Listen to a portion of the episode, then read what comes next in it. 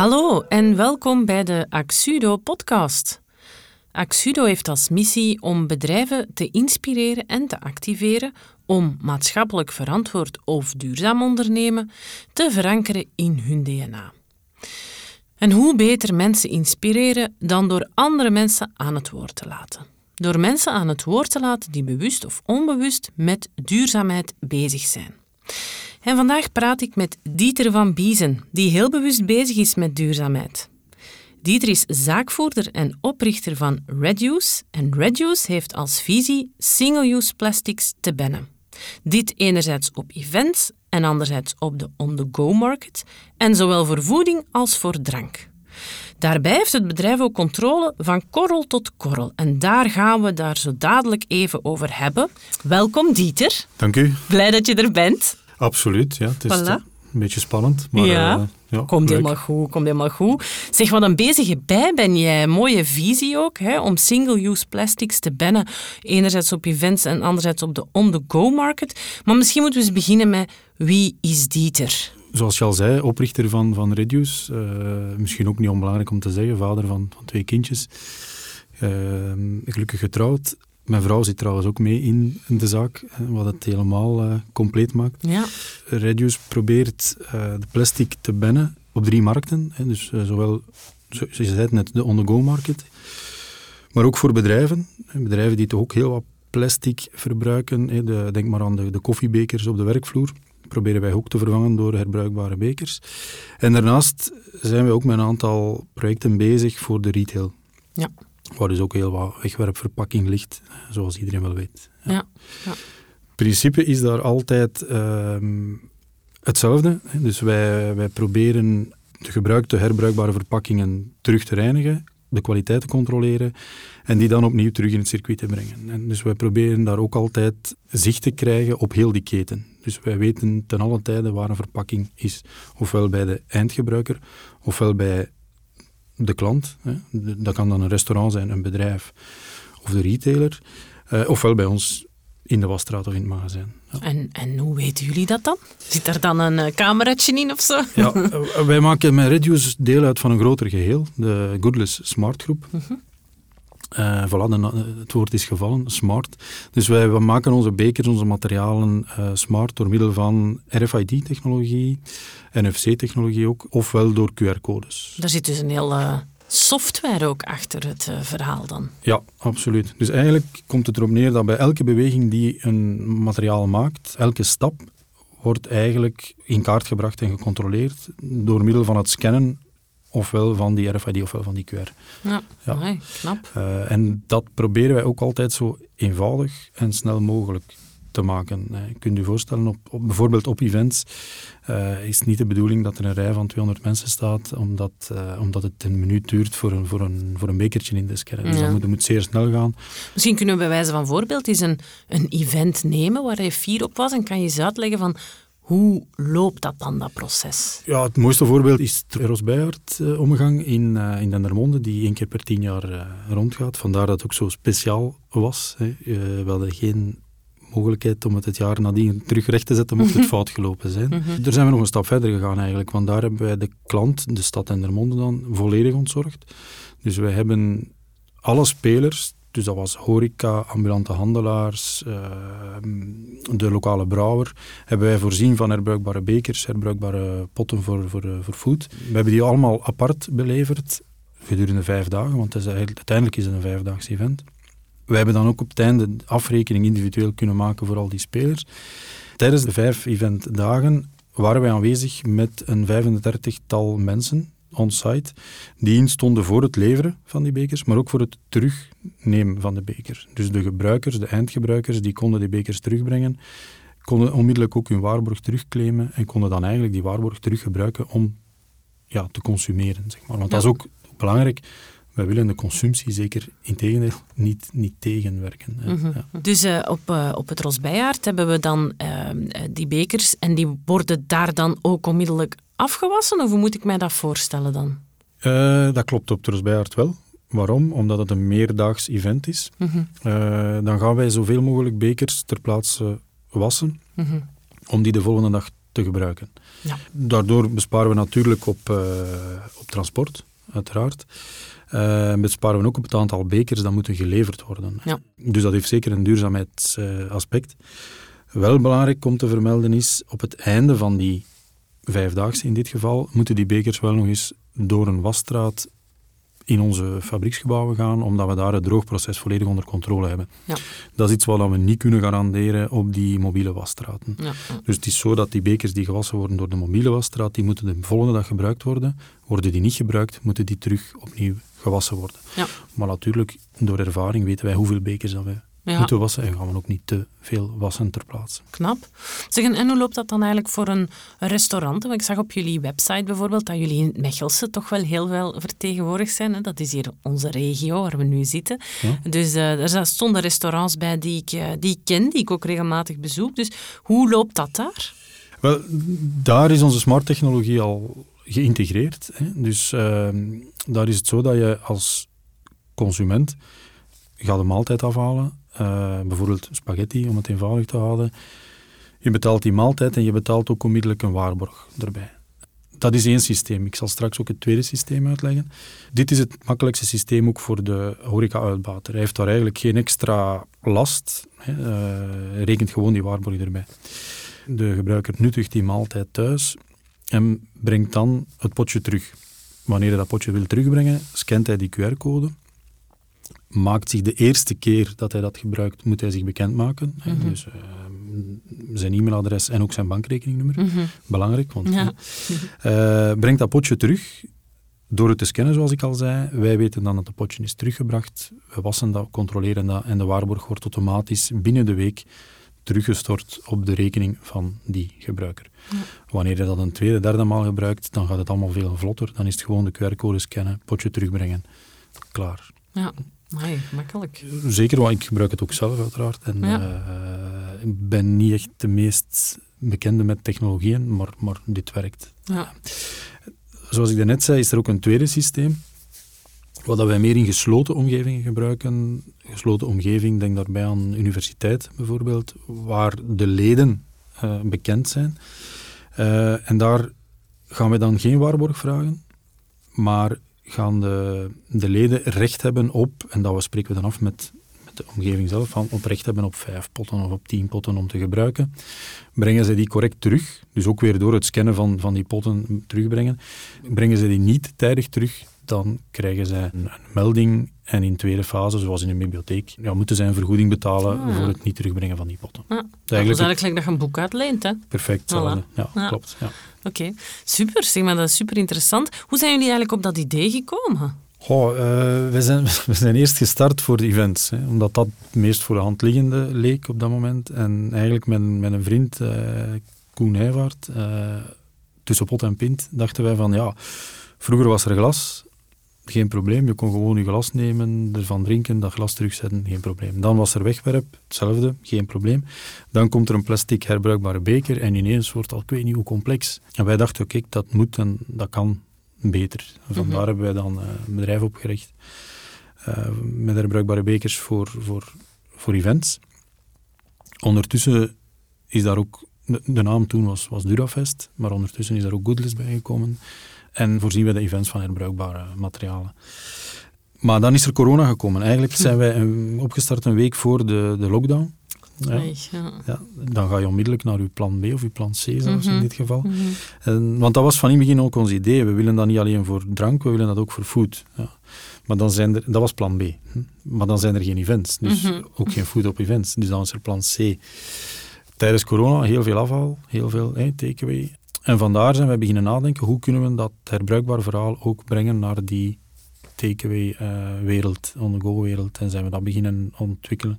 Dus vandaar eigenlijk een beetje dankzij corona dat Reduce toch wel iets sneller eh, een bedrijf is geworden en niet gewoon een losstaand project is Ja. eh, gebleven. Ja. Kijk, eigenlijk dan goed van corona. In, in dat opzicht wel, ja. Ja. ja. ja, ja. Ja, en het heeft u natuurlijk als ondernemer ook onmiddellijk uitgedaagd en duidelijk gemaakt dat het ondernemerschap schakelen is à volonté. hè? Klopt, volledig. ja. Oké, goed, maar interessant. Zeg, maar, daar straks in de introductie gebruikte ik al de uitdrukking controle van korrel tot korrel. Hè. We gingen het daar eens verder over hebben. Ja. Hoe uitziet dat eigenlijk? Wel, het is zo dat wij En dan zeker voor, voor de on-the-go-markt.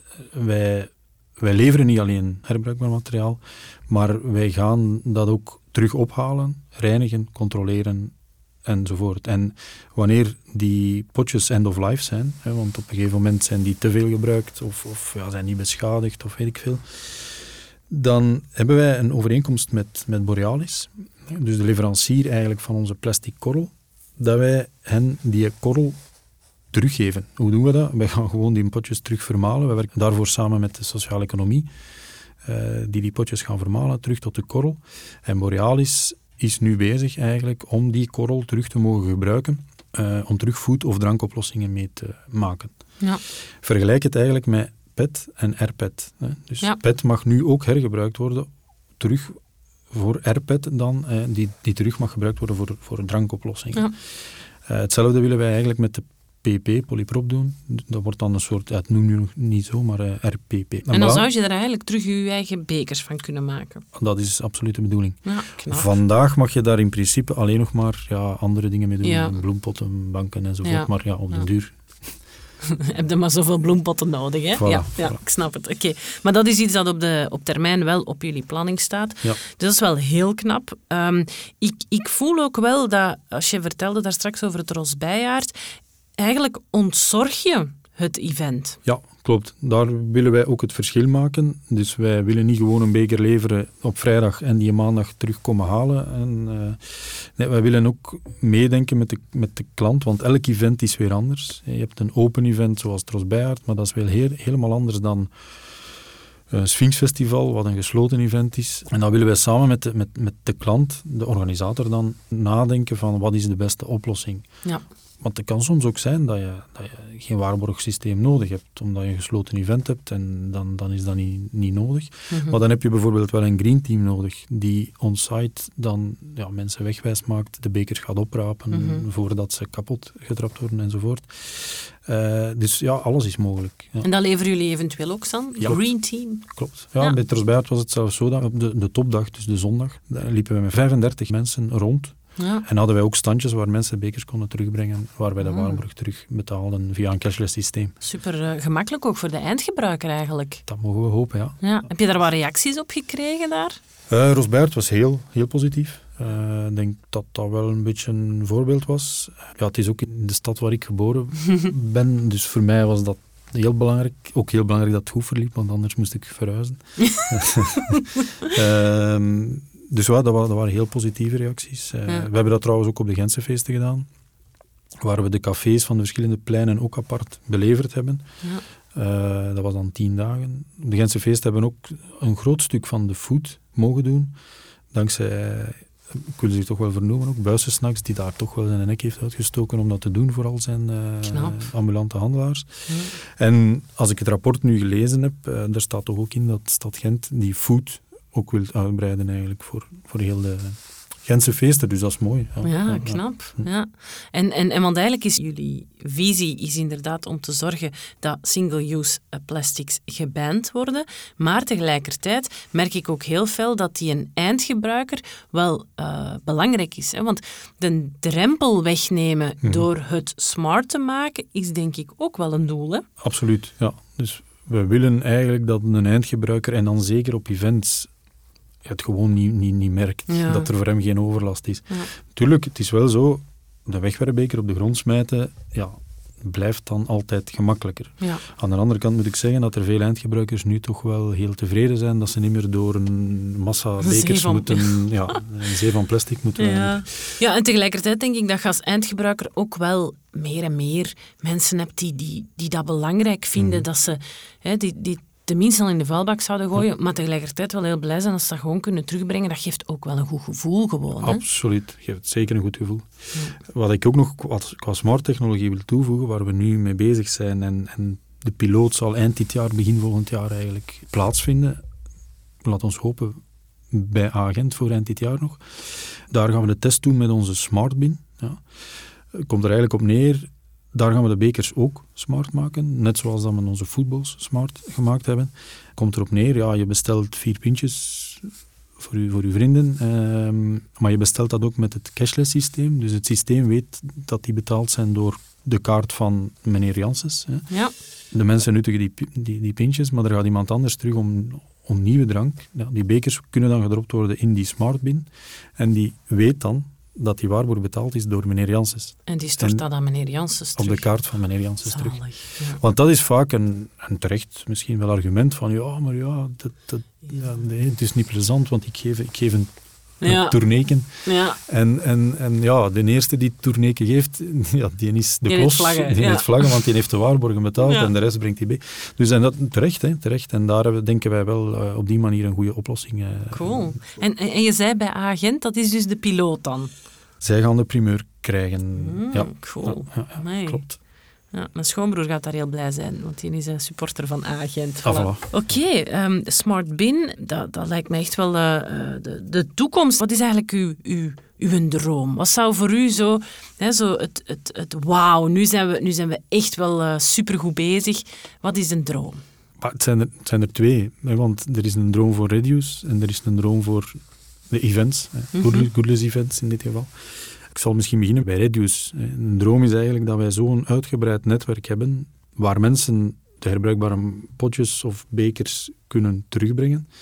Zodanig dat er eigenlijk gewoon niet meer moet over nagedacht worden. Je bestelt een spaghetti in Brugge, maar neemt die mee naar eh, Dendermonde. Je kan die in Dendermonde droppen en dat zit allemaal in diezelfde keten. Hetzelfde ook, je gaat naar de supermarkt, komt in die supermarkt binnen en zoals je vandaag het leeg goed binnenbrengt, kun je daar ook gewoon je potjes binnenbrengen. Die worden automatisch gescand door middel van die RFID-technologie. Eh, waarborg wordt geregeld, voilà. Dus Ja. dat eigenlijk mensen er niet meer bij nadenken en dat het ook geen last meer is. Want ja, je moet naar de supermarkt, dan kun je evengoed ook die potjes meenemen en die daar droppen. Gelijk dat je nu je batterijen daar ook kunt Voilà, droppen. Hè? Ja, voilà, ja. Ook weer ontzorgen eigenlijk. Hè? Ook weer eh, allemaal in termen van de eindgebruiker dat het gemakkelijk moet zijn. Uw tweede droom. Ja, hè? ah, wel, qua events, qua events heb ik het eigenlijk al een beetje gezegd. Hè, wat wij nu willen neerzetten bij Agent, zou wel eh, de bedoeling zijn om dat ook op alle events neer te zetten. Want het enige wat de gebruiker dan moet doen, ja, is ze gewoon op de juiste plaats terugbrengen. Ja. Die smartbin, in welke vorm dat die dan ook Ja. daar gaat staan. En dat is het. Het enige wat dan de gebruiker niet meer mag doen, en daarvoor doen we het toch allemaal, dat is die een beker op de grond Ja, smijten. ja, ja. Als hij die op de juiste plaats gewoon neerzet, dan wordt alles geregeld. En en als je genoeg van die smartbins hebt staan, dan is het ook niet ver lopen. Hè? Voilà. Voilà. Voilà, Ja, oké. Ja. Mooie droom.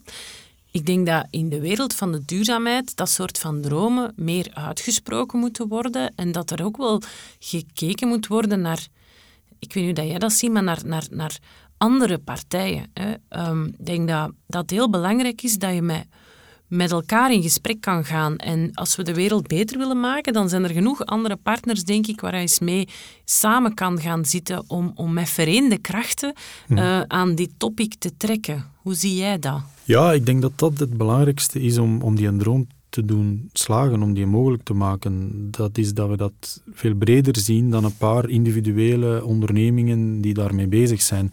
Want dan blijft het voor die eindgebruiker complex. Want dan heeft hij potjes van, van, produ- Ja. allee, van, van, eh, on- allee, van bedrijf A en, en, en, en bekers van bedrijf B. Ja. Dat blijft moeilijk.